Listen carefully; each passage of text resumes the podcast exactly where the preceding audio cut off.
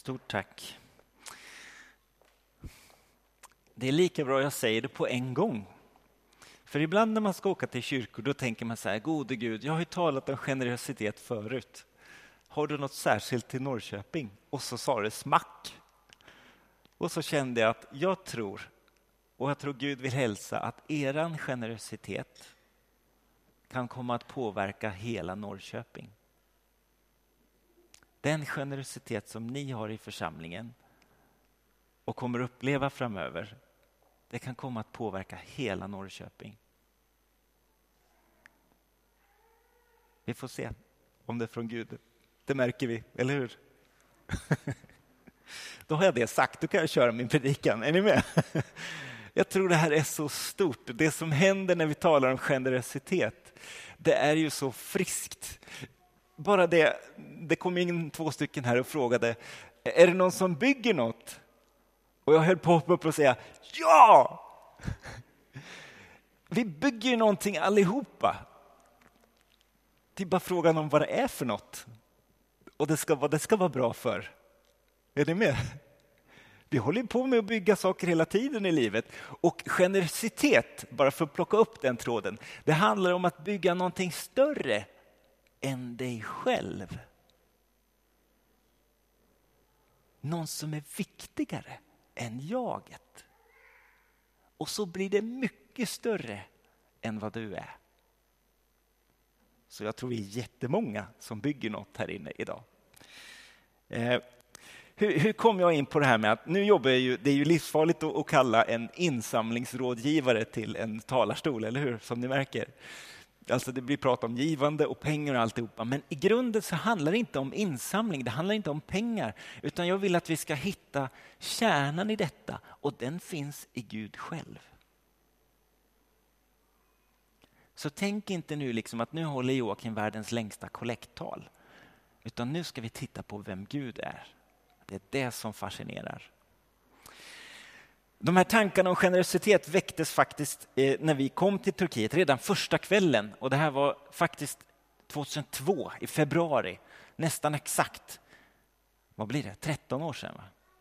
Då stod vi där och hade precis lyckats hyra en lägenhet och det var jättekallt och det var englasfönster och det var lika kallt inne som ute. Och vi hade liksom inte fattat. Vi, vi hade en stor dieselbrännare i ett rum där i lägenheten och den skulle man slå på för annars fick man inte på värmen.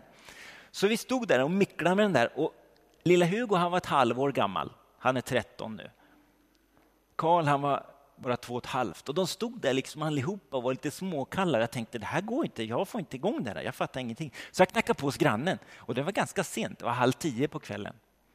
Så jag knackade på och han öppnade och sa mm, törs, törs, törs, törs. Jag fattar ingenting men jag visar att vi, vi är kalla här, kan du komma lite? Och så, ah, okej. Okay. Så han kom där med sin jättehärliga mustasch och tittade och kollade och sa nej, det, nej jag får inte igång det. Men ja, vi har en granne här nere på bottenvåningen. Så gick jag och han ner på, botten, eh, på bottenvåningen och knackade på och så kom det ut en kille, och jättestor kille och jättestor mustasch och stort leende som du var. Eh, och så sa han, de förklarar att de fryser och så går vi upp alla tre och så ställer oss och tittar på dieselbrännaren allihopa det här. Aha, och ingen fattar hur den funkar och vi fick inte igång den. Aha, så tittar de på varandra, hur ska vi lösa det här? Ja, men vi har ju en kille, han har bott i Tyskland, han bor i grannhuset här. Vi går till honom. Så var det tre gubbar, två med mustasch och en flintis. Så gick jag över till grannen och knackade på och så var det en, en eh, turkisk kille som har varit i Tyskland som öppnade och de förklarade han fryser, vi får inte igång den. Och så kommer de tre gubbar och så jag och så in där och barnen de funderar på vad är det här för någonting egentligen?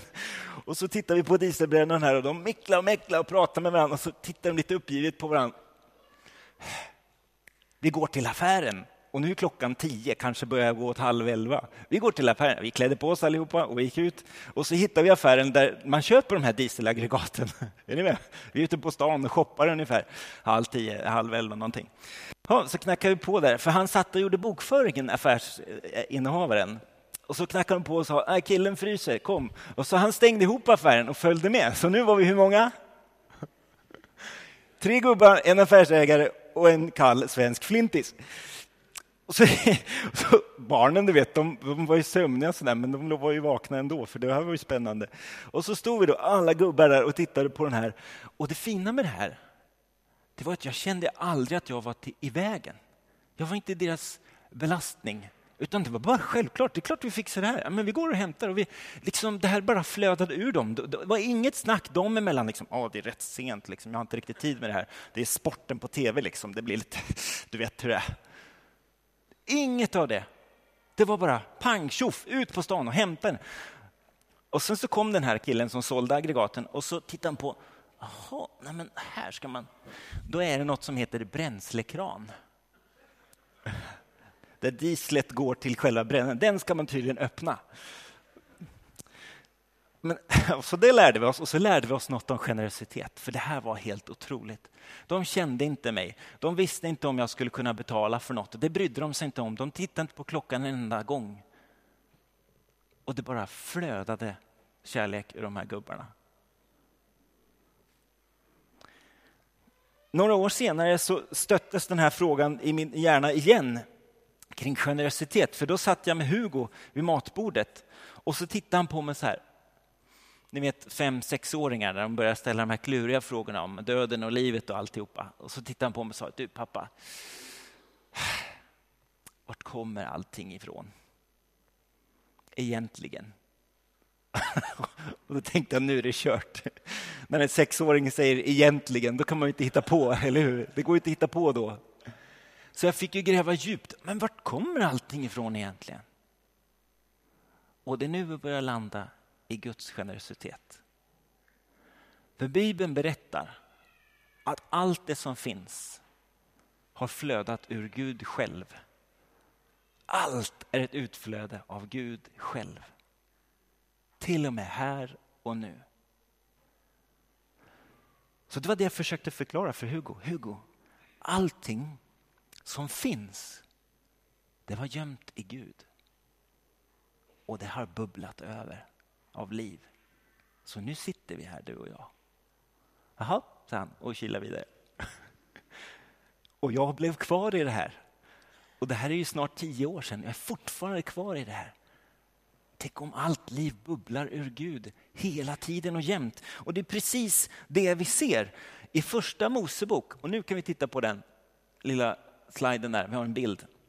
På första Mosebok 1 och 26 så är det ju ett vi som säger att vi ska göra människor till vår avbild. Det står inte så här att Gud funderade på hur han kunde ha lite trevligt för han kände sig lite ensam. Så vi gör en värld och så vi har några miljarder människor att vara kompis med. Det var inte så alls. Gud har inget behov av det här. Av oss. Det är vi som bubblar ur Guds liv. Det finns till för det fanns så mycket i Gud själv. Gudomen, alltså Jesus, anden och fadern säger till varandra, nu gör vi något som är lika oss själva och så bubblar det över. Är ni med? Så kom allt till. Det finns ingen tydlig förklaring där i början om hur de diskuterade fram och tillbaka. Utan nu gör vi människor till vår avbild. Och så såg Gud att det var gott. Paulus han, han, han går igång ni vet ibland och han skriver ju att allting det här, skriver han i Kolosserbrevet 1, det hålls samman i Jesus Kristus. Så inte bara har allt kommit ur Gud från början, utan allting hålls samman av Jesus själv. Alltså det här håller ihop därför att Gud vill det varje sekund. Det är det Bibeln talar om. Och det kanske är den sortens kraft som fysiker fortfarande letar efter. Är ni med? Och hur hänger allting ihop? I Kristus, säger Paulus. Där är livets källa. Och utan det här givandet som är varje sekund, varje minut, så skulle allt rasa samman. Det skulle inte ens bli pulver kvar. Det är vår berättelse och det är vårt ursprung. Det innebär alltså att, att Gud har gett oss liv, inte bara en gång utan varje sekund. Och när du tar ditt nästa andetag så är det Guds gåva till dig. Igen. Och igen. Så när man känner på pulsen så här. så är det Guds liv som pulserar. I mig. Hela tiden. Det är jättekonstigt. Och då säger Hugo, jaha. Och i det här finns en djup, djup tacksamhet för varje dag som går. Bara testa och gör så här.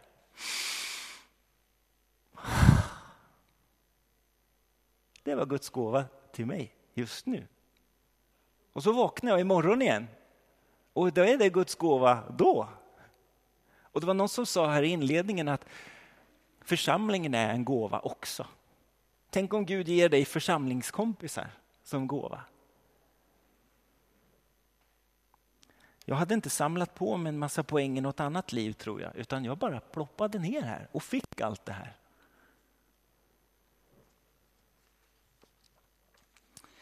Den här generositeten fanns aktiv i Gud redan innan skapelsen. Det står att skapelsen kom till ur Jesus och genom Jesus och allting hör ihop i Jesus och anden svävade över vattnet och Gud talade ordet. Så allt det här fanns liksom i gudomen redan.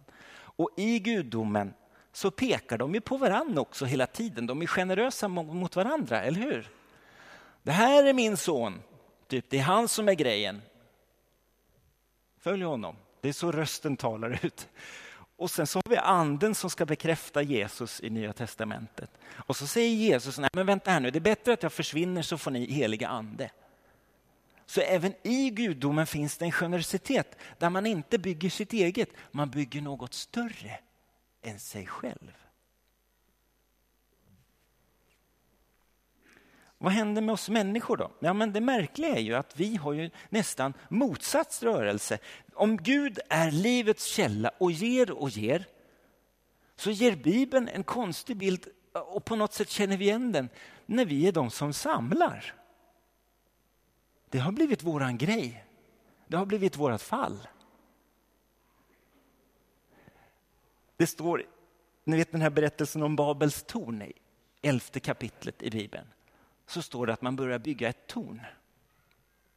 Människan lär sig att slå tegel, alltså fixa små tegelbitar. Och så samlar vi dem i hög. Det blir våran grej. Och Gud säger, nej men vänta här nu, liksom. ni har missat grejen. Gud lever här borta som ett källsprång. Här bubblar det över. Han har fattat hur livet hänger ihop. Och vi samlar tegel här borta. Det är väl ett märkligt beteende. Och det värsta är att jag känner nästan igen det i mitt eget liv. Det är saligare att ge än att få. Säger Paulus långt senare när han citerar Jesus. Tänk om det saliga livet finns här. Där, där, där det försvinner och, och blir nytt hela tiden. Är ni med? Som ett källflöde. Tänk om det saliga livet inte handlar om att liksom bygga mig själv och samla tegel på den här planeten. Vi ser spår av det redan i Gamla testamentet. För mitt i allt det här så svarar inte Gud med dom när vi samlar tegel. Han svarar med att sända profet efter profet efter profet. Eller hur? Vänd om, ni har missat grejen. Det är jag som är grejen, alltså här finns livet. Och så fortsätter Guds röst att tala in i våra liv fortfarande idag. Vänd om, här är jag. Ja, just det, säger vi nästan dagligen, eller hur? Det är den dynamiken vi lever på något sätt. Och Babels torn blir liksom kontrasten till Guds givande. Och så fortsätter hela gamla testamentet, är, är liksom där vi människor samlar för oss själva. Israel som egentligen genom Abraham skulle vara en välsignelse till alla folk. Kommer ni ihåg? Från första Mosebok 12 så ska ni vara en välsignelse till alla folk. Ur er ska flöda liv till alla folk. Är ni med? Och så börjar Israel samla för sig själva. Det blir liksom deras fall. Och mitt i detta så möter vi en kille. Något av det senaste som händer i Gamla testamentet så kommer Jona. Jona är en sex kapitel lång bok med så mycket glädje och visdom. Jona blir den här som representerar jag, mig och mitt eget. Och Gud på något sätt bara skakar om Jona och säger, vet du vad? Det spelar ingen roll att de är Nineve. nuvarande Bagdad, Irakområdet. Det spelar ingen roll att de i Nineve inte har förstått vem jag är. Du ska gå dit i alla fall. Det spelar ingen roll vad de har gjort. Nu, nu, nu vill jag att du går dit. Berätta, alltså jag ger av mig själv och Jona säger nej hej du. Och då säger Gud joho du. Och så hamnar Jona där till slut. Och så uttalar han då att om ni vänder er om så ska Gud förlåta, han ska ge er nytt liv. Och så smyger Jona upp på bergskullen där och sitter sus som en, vadå, något jättesurt. Och tittar ner över Nine och hoppas att de inte ska vända om. Det blir jättekonstigt. Och mitt när Jona inte förstår Guds generositet, när han tittar på folk som han har lite svårt för, så är Gud där med sitt tålamod och sin kärlek. Och solen skiner och det är hetta och så ger Gud honom en skugga. Har ni läst berättelsen? Han ger Jona en skugga. Ett träd. Här, Jona, sitt här. Typ, sitt här och sura. Jag har inget problem. Jag tänker hjälpa dem här ändå. Och så blir det här någon slags knasig kontrast till hur vi kan känna oss ibland och hur Gud är hela tiden.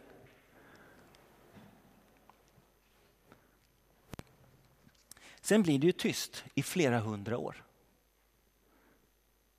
Till och med bibelböckerna tar slut. Alltså vi, har, vi har inga tydliga referenser. Jesaja, Jeremia och de här kom, Malaki kommer på slutet så blir det tyst i flera hundra år.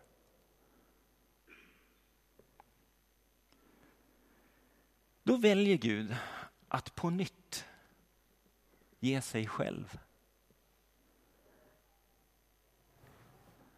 När världen liksom är förvirrad efter hundratals år av inbjudan, av hundratals år, tusentals år av utflödande liv, så ger Gud igen. Det står så att så älskade Gud världen att han gav sin enfödde son.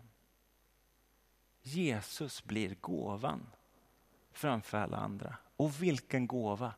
När Jesus växer upp och kommer in i tjänst så är han ju detta källsprång personifierat. Det är ju ett liv som flödar över som man inte, det går inte att beskriva på en dag. Vi kan inte, det räcker inte med konferens, men bara lite. Alltså han är den som börjar predika för hög och låg, för ung och gammal. Han är den som befriar människor från andar och demoner utan att samla in telefonnummer. Och inga e-mailadresser heller. Vi har hamnat i ett läge där vi tänker så här, vi gör gott så får vi något tillbaka. Är ni med? Det finns inget bjud längre. Gud hjälp oss. Jesus är bjud hela tiden. Han tänker inte ens på hur han ska liksom hinna. Skriver du upp alla i Kafarnaum så kan vi ringa och ha en liten kampanj på dem sen. Det blir superbra. Han gör inte så. Han bara mosar ut liv från morgon till kväll. Han frågar knappt inte ens vad de heter. Och ibland så har han inte koll på någon som rörde honom och så blev de friska och så, han vänta här nu, det var någon som, okej, okay, ja men ha det bra. Så är Jesus hela tiden. Och inte nog med det här allmänna överflödet, han ger ju sig till de här tolv unga människorna som kallas lärjungar. Som verkar trögare än många av oss. Gud vare lov. Annars, utan de hade vi inte haft mycket av evangelierna, eller hur? De hittar på en massa knasigheter som har blivit vår bibel. De ställer frågor som gör att vi förstår. Och Jesus ger sig till dem dag och natt. Hela tiden. Och ibland så säger han, Åh, men, en, en är så här tröga alltså. är du med? När jag läste om bibelställena. Och så förklarar han igen. Och när det är allra svårast, då samlar han dem inför sin egen död och så har han dem riktigt, riktigt nära. Och de två saker som Jesus lämnar efter, det är dopet där vi ger oss till Jesus. Och det är nattvarden där Jesus ger sig till oss.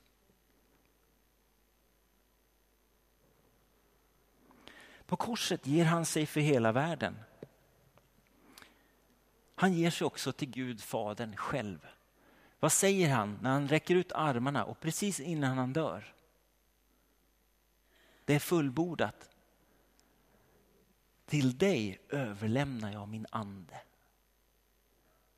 Så till och med Jesus liksom ger sig själv, sitt liv, i Guds händer. Han överlämnar sig mitt i livets svåraste stund. Då ger han sig själv.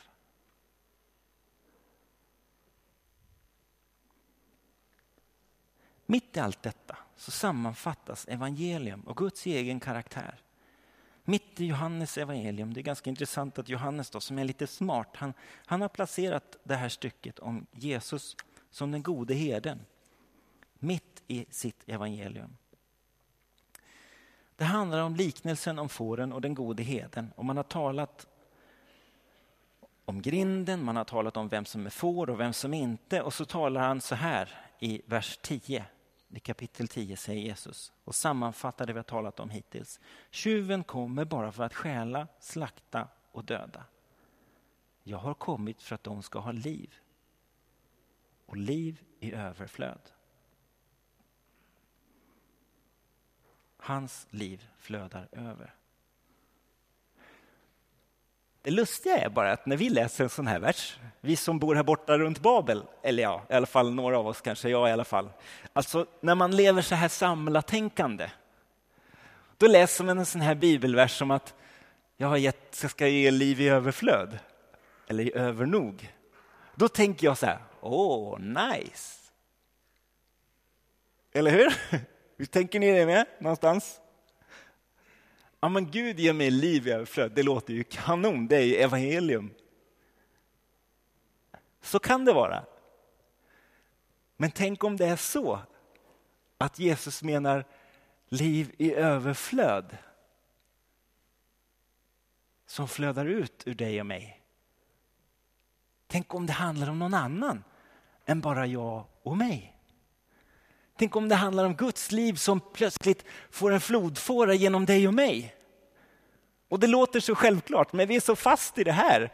Att, att liksom det handlar om, åh vad bra, nu, nu ska jag bli fixad här, nu kommer Gud. Och, och så handlar det kanske snarare om att, vet du vad? I mig finns överflödet. Haka på ska du få se hur det funkar. Vi bjuds ju med i detta som Jesus gör. För vi ska ha liv i överflöd. Och nu ska vi göra en väldigt praktisk sak. Är ni med? Är ni vakna? Okej, nu blir det staplar. Vi ska inte ta upp någon mer kollekt, så ni kan liksom, ta det lugnt. Vi tar en stapel. Kolla här nu. Om vi nu tittar på det här. Ni märker att vi går igenom hela Bibeln. Vi är snart färdiga. Nu är vi i evangelierna, så det är bara uppenbarelseboken kvar. Men innan vi gör det så ska vi titta på det här. För att redan från Gamla testamentet så talas det om att vi ger tionde. Om du tjänar tusen kronor så ger du 100 kronor. Får du in 100 000 kronor så ger du 10 000. Man ger det vidare. Så funkar det i Guds rike. Man ger det till andra, man ger det till församlingen. Och Det där har varit en princip sedan Gamla testamentet och Jesus verkar ta det där som självklart, eller hur? Det är liksom, men livet handlar om överflöd. Ja, ja, ni vet vad lagen säger att det är tionde, men nu har jag sagt så här. Så det är liksom en icke-fråga för de första judarna att ge en tiondel av alla de pengar som man får. Och det är många av oss som upplever att det här funkar fantastiskt bra. Hela Israels folk märkte att det här funkade. När vi ger generöst så blir livet väldigt bra. Det var som en konsekvens och många som har testat och liksom vågat börja ta steg mot, i vår tid menar jag, att ge en tiondel märker att men ekonomin funkar ju. Det finns ju någon slags välsignelse här. Det är många som upplever att det till och med funkar lite bättre när man ger en tionde. Men jag vill inte att vi ska liksom leva kvar här borta i att, att ja, okej, och så tio där och så resten mitt. Det, det blir knasigt. Utan snarare som att okej, okay, allt tillhör dig och så skickar jag en tionde till kyrkan. Det är ju inget, liksom, men allt är ditt ändå. Så, men, men det som händer här det är ju att överst där så har vi de här 10 procenten kan man säga. Det ger vi bort. Problemet med den här stapeln det är ju att om jag ska gå och handla Och vad har ni för stor? Är det inte sport eller stadium som gäller här? Stadium. Jag var i Småland och sa stadium och då säger de nej, nej, för det är inte sport som gäller. Så, men stadium då. Problemet är att en sån som jag som betalar tionde, är ni med? Jag är, jag är laglydig och jag är väldigt så här, gått söndagsskolan och varit missionär så, så klart jag skickar in pengar. Så jag känner mig väldigt duktig när jag går in på Stadium. Problemet är att när jag har betalat tionde, då tänker jag väldigt lätt att de här 90 procenten, de är mina. Jag gör vad jag vill. Haha, Stadium, nu kommer jag! Jag har dessutom 20 procent rabattkupongen med mig. Som att, som att allt tillhör mig. Som att min bästa andetag inte är en gåva. Så bara, ja men okej, ja. Och det, det kan, men min mamma hon är ju jätterolig ibland. Ibland så, när hon har shoppat så här så, så ringer och frågar hej vad har du gjort då? Nej men vi var och handlade så här på, på Nacka centrum. Ja, hur gick det då? Så här, det gick jättebra. vad köpte du då? Ingenting. Hon är, nej, vad då, då? Nej, men jag behövde inget. Okej, bra. Tänk om hon var gladare än jag. Jag kanske var jätteglad när jag hittade de här, liksom, vad jag nu hittar på stadion, pannband säger vi. Det är så mycket hår att hålla reda på. Ja, men jag hittade mitt pannband och så här, åh vilket bra pannband. Men tänk om mamma var gladare när hon tänkte så här, jag har ju faktiskt allt jag behöver. Jag går hem. Tänk om man blir gladare av det. Tänk om det är saligare att ge än att samla på hög. Vi tittar på nästa. Jesus gör nämligen så här. Han vänder upp och ner på stapeln och säger, vet ni vad? Sök först Guds rike så ska allt andra tillfalla er. Allt. Det fixar sig. Sök Guds rike först. Matteus 6. Och så talar han om sparvar som Gud ser till. Han talar om träden och ängarna. Kolla, Guds överflöd finns ju här. Sök Guds rike. Och då innebär det att då har vi, då har vi bara de här behoven kvar. Då är vi inne i liksom min mammas tänk. Nu kommer ni gå hem och säga, vad pratar han om då på gudstjänsten? Ah, det var han pratade om sin mamma. Okej, okay. bara ni kommer ihåg själva grejen. Och då tillhör ju ganska mycket av livet Gud, eller hur? Om Jesus ser till våra behov så kan vi slappna av och säga, men har jag det behöver? Jajamensan.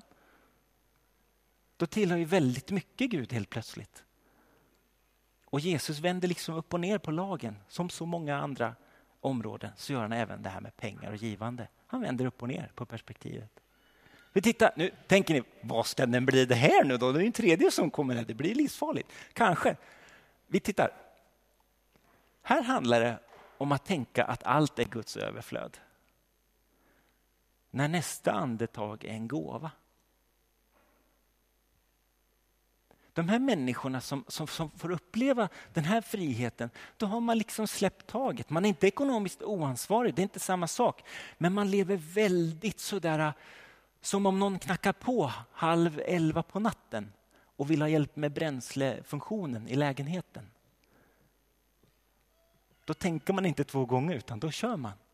Så här har vi något att lära av andra kulturer och av Jesus själv.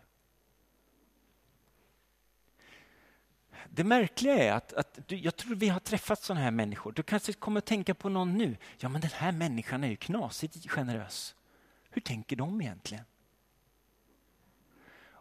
Och det är inte helt osannolikt att de här människorna är sådana som har varit med om väldigt svåra saker i livet.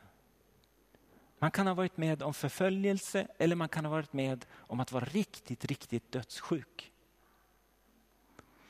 Det är de lägena som man inser att ingenting är självklart. Mitt liv är inte självklart. Det är jättekonstigt att jag lever. Det är underbart. Det är en gåva varje dag.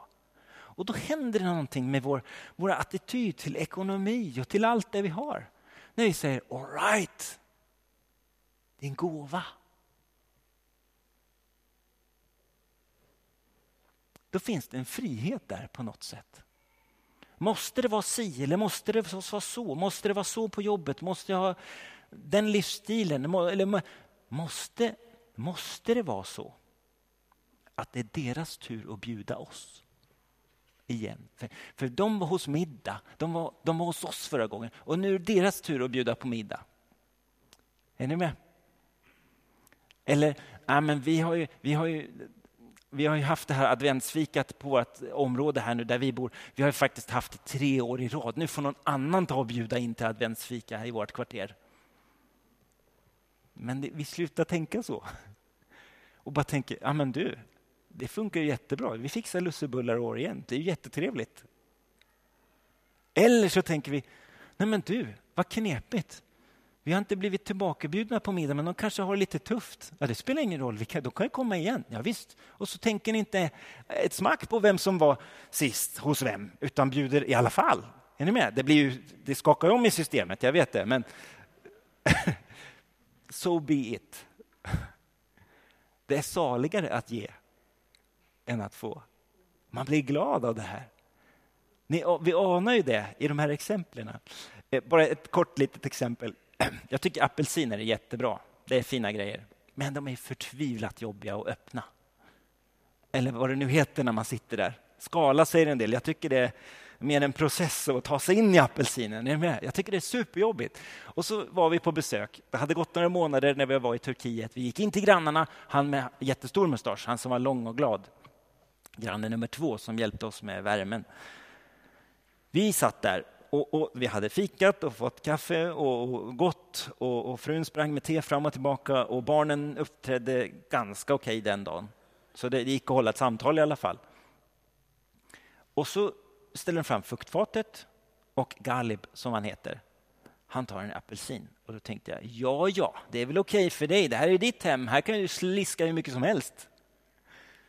Så börjar han skala och vi pratar och jag försöker använda den lilla turkiska jag har tagit till mig och det går sådär. Men han skalar vidare och jag tittar lite på barnen och så plötsligt kommer en nyskalad apelsinklyfta mot mig. Han hade skalat apelsinen perfekt så här, och tagit bort allt det här vita på varenda klyfta. Och så tog den här stor, stora mustaschkillen sin kniv och skickade över till oss andra. så här. En efter en. Han frågade inte ens innan. Alltså, I Sverige då frågar man så här, är det någon som vill ha apelsin? Nej. Det är ingen som vill ha apelsin. Är det någon som vill ha apelsin om man skalar den först? Nej. Är det någon som vill ha apelsin om man skalar den först och tar bort allt det vita? Ja, alltså det händer ju inte. Utan generositet handlar om att man tar en apelsin och så skalar man och så tar man bort allt det vita och innan man frågar så bara här. Och vi fick apelsin, nyskalad apelsin allihopa. Till och med grabbarna fick varsin klyfta och käkade upp den. Bara det. Det måste vara Gud. Men alltså det här, det här där, där, livet liksom är sådär obetänksamt generöst. Där det är gott att ge. En gång, och nu är det sista praktiska exemplet, jag måste säga på något om vår familj också. Då, vad, vad händer här? Det hade gått några år och det var en vecka då jag kände så här själv att okej, okay, nu har jag jobbat hårt och så har jag hjälpt till jättemycket i hemmet. Och så har jag lekt jättemycket med barnen. Fastän jag är trött på lego så har jag byggt jättemycket lego med dem. Och så får jag inget tillbaka. Vad är det här för en familj egentligen? Vem har uppfostrat de här? Vad är det för fru egentligen som inte ser allt det duktiga jag gör? Och så gick jag och var sur. Jag blev sur en hel dag. Och så blev jag sur nästa dag. Och tredje dagen då var han jättesur. Ja, men det, ni vet, sådär, man fastnar i en loop av att... Äh, jag då? Vad det? Liksom, kan inte jag få lite då? Tillbaka, ett tack åtminstone, ett kort kanske, eller kram eller vad som helst. Stånga mig. Ingenting. Och så tänkte jag så här, det här blir ingen gladare av. De fattar ju inget. Och så tänkte jag, vad är motsatt? Liksom om man ska, vad är den motsatta attityden? Ja, men det är att ge. Så då tänkte jag, då testar vi det. Och det var ju innan liksom det här hade blivit någon slags predikan. Är ni med? Alltså, innan jag riktigt fattat hur det här funkar så, så tänkte jag, vad kan jag göra som är härligt för alla i familjen och som jag liksom förmår att ge? Jag bakar en sockerkaka. Det har vi aldrig gjort, men det borde man väl kunna göra på något vis. Så då tog jag kokboken och tittade och så bakade en sockerkaka och stoppade in den och så kände jag så här hur, hur glädjen ungefär steg lika fort som den här sockerkakan steg. För någonting hände när jag klev tillbaka i det här givandet. Och de, ursäkta mig, de fattar inte riktigt grejen, symboliken i den här sockerkakan. Så någon gång kom fika, tack så mycket sockerkaka och jag satt så nöjd. Och jag kände bara yes, det är saligt att ge. Jag ska minsann inte. Och så hade jag liksom brutit udden av det där sura. Är ni med? Det var jättekonstigt och jättehärligt samtidigt. Så nu i Norrköping kommer det bakas hur många sockerkakor idag? Nej. Gud är unik och han talar till oss unikt. Eh, jag kanske får åka hem och byta ut en lampa som har trasig några månader. Det är möjligt. Gud får tala på olika sätt. Men, eh, men ni är med på vad jag menar. Det här är ju inget nytt kanske, men jag hoppas att Gud väcker det till liv i oss igen. Vi tar nästa då. Eh, och så tar vi anden och församlingen. vi tar precis, det kan ligga kvar alltihopa. För när anden i församlingen manifesteras, då tänker vi oftast på tungotalet och att det blev så där kaos på pingstdagen. Men faktum är att bara en kort tid efteråt så får generositeten ett helt nytt utlopp i församlingen. Det är helt märkligt vad som händer och det är ingen jättelång predikan om det heller. Det finns ingen liksom gåvoundervisning som är inspelad eller nedskriven. Utan i kapitel 4 så står det så här. Alla de många som hade kommit till tro var ett hjärta och en själ. Ingen betraktade något av det han ägde som sitt. De frambar allt, de hade allt gemensamt. Med stor kraft frambar apostlarna vittnesbördet om att Herren Jesus hade uppstått och de fick alla riklig del av Guds nåd. Ingen av dem led någon nöd. De som ägde jord och hus sålde sin egendom och kom med köpesumman och lade ner den vid apostlarnas fötter och man, som, och man delade ut åt var och en efter hans behov. Josef, en levit från Cypern som apostlarna kallade Barnabas, det vill säga tröstens son, sålde också han en åker han ägde och kom och lade ner pengarna framför apostlarna. Alltså det är det här vi vill åt. När andens liv i oss föder generositet. Och ibland kan det gå baklänges. Man kanske inte känner sig jätteandlig, men man kan baka en sockerkaka i alla fall. Och så gör Gud något av nåd i hjärtat. Och Det lustiga är att när vi har läst det här bibelordet förr, ni vet om det står ju egendomsgemenskap, och då är det ju godnatt. Vi fattar ju, vadå ge bort allt man har och liksom, hallå? Men kärnan i texten är att inte betrakta något av det man har som sitt. Det är kärnan. Här finns friheten. Här finns glädjen. Gud själv har som mål att ge sig helt till oss. Det anar vi genom hela historien, genom varje andetag. Och målbilden, och det är det här som är intressant jämfört med andra religioner. I andra religioner, då får man allt det där som man inte har fått här. Det har varit förbjudet här. Men det är ajabaja. Så får man inte göra, det är inte bra, det är inte bra. Då ska man plötsligt få här borta vin, kvinnor och sång. Men liksom, hur funkar det? Vi bjuds in till ett liv som är konsekvent. Där saligheten finns i att ge. Hela tiden. Innan världens skapelse, under det att vi finns, finns glädjen i att ge. Och i himlen så är Guds största glädje att ge sig själv till oss. Det står till och med i den här texten att Gud ska bo ibland oss som om han bodde i tält mitt ibland sitt folk. Alltså Guds största glädje är att ge sig till skapelsen. Och det är bättre än vin, kvinnor och sång. Det är ett mycket, mycket mer tillfredsställande stadium av liv. Tanken är ju hela tiden att Gud flödar över och det fullbordas i himlen. Det är själva grejen. Så hänger Bibeln ihop. Guds givande, Guds generositet. Vad kan vi göra av det här i våra liv? Ja, förutom att baka sockerkaka. Det första som föds i oss, det är ju en djup tacksamhet. Jag brukar tänka det ibland sådär, det är jättekonstigt att leva. Men jag är väldigt tacksam. Alltså att andas och allt det där som vi har pratat om. Det är hur konstigt som helst. En djup tacksamhet. Farfar han, han eh, levde länge och var riktigt glad prick. Flint, men bra mycket kortare än jag. Och när man frågade honom som barn så sa han alltid så här. Jag frågade, hur är det med farfar? Ja, det är bra, jag är så tacksam att jag får vara frisk. Så han levde i den här tacksamheten hela tiden. Det var bara det att långt senare, han hade gått bort och det kanske dröjde 10-20 år, så kom jag på, vänta här nu. Farfar var ju sjuk. Farfar hade sedan 40-årsåldern ett stelopererat ben så här, rakt. Så farfar gick alltid så här. Och så sa han varje dag, jag är så tacksam för att vara frisk. Det beror ju helt på vad man räknar med i livet. Det beror ju helt på hur man ser på allting.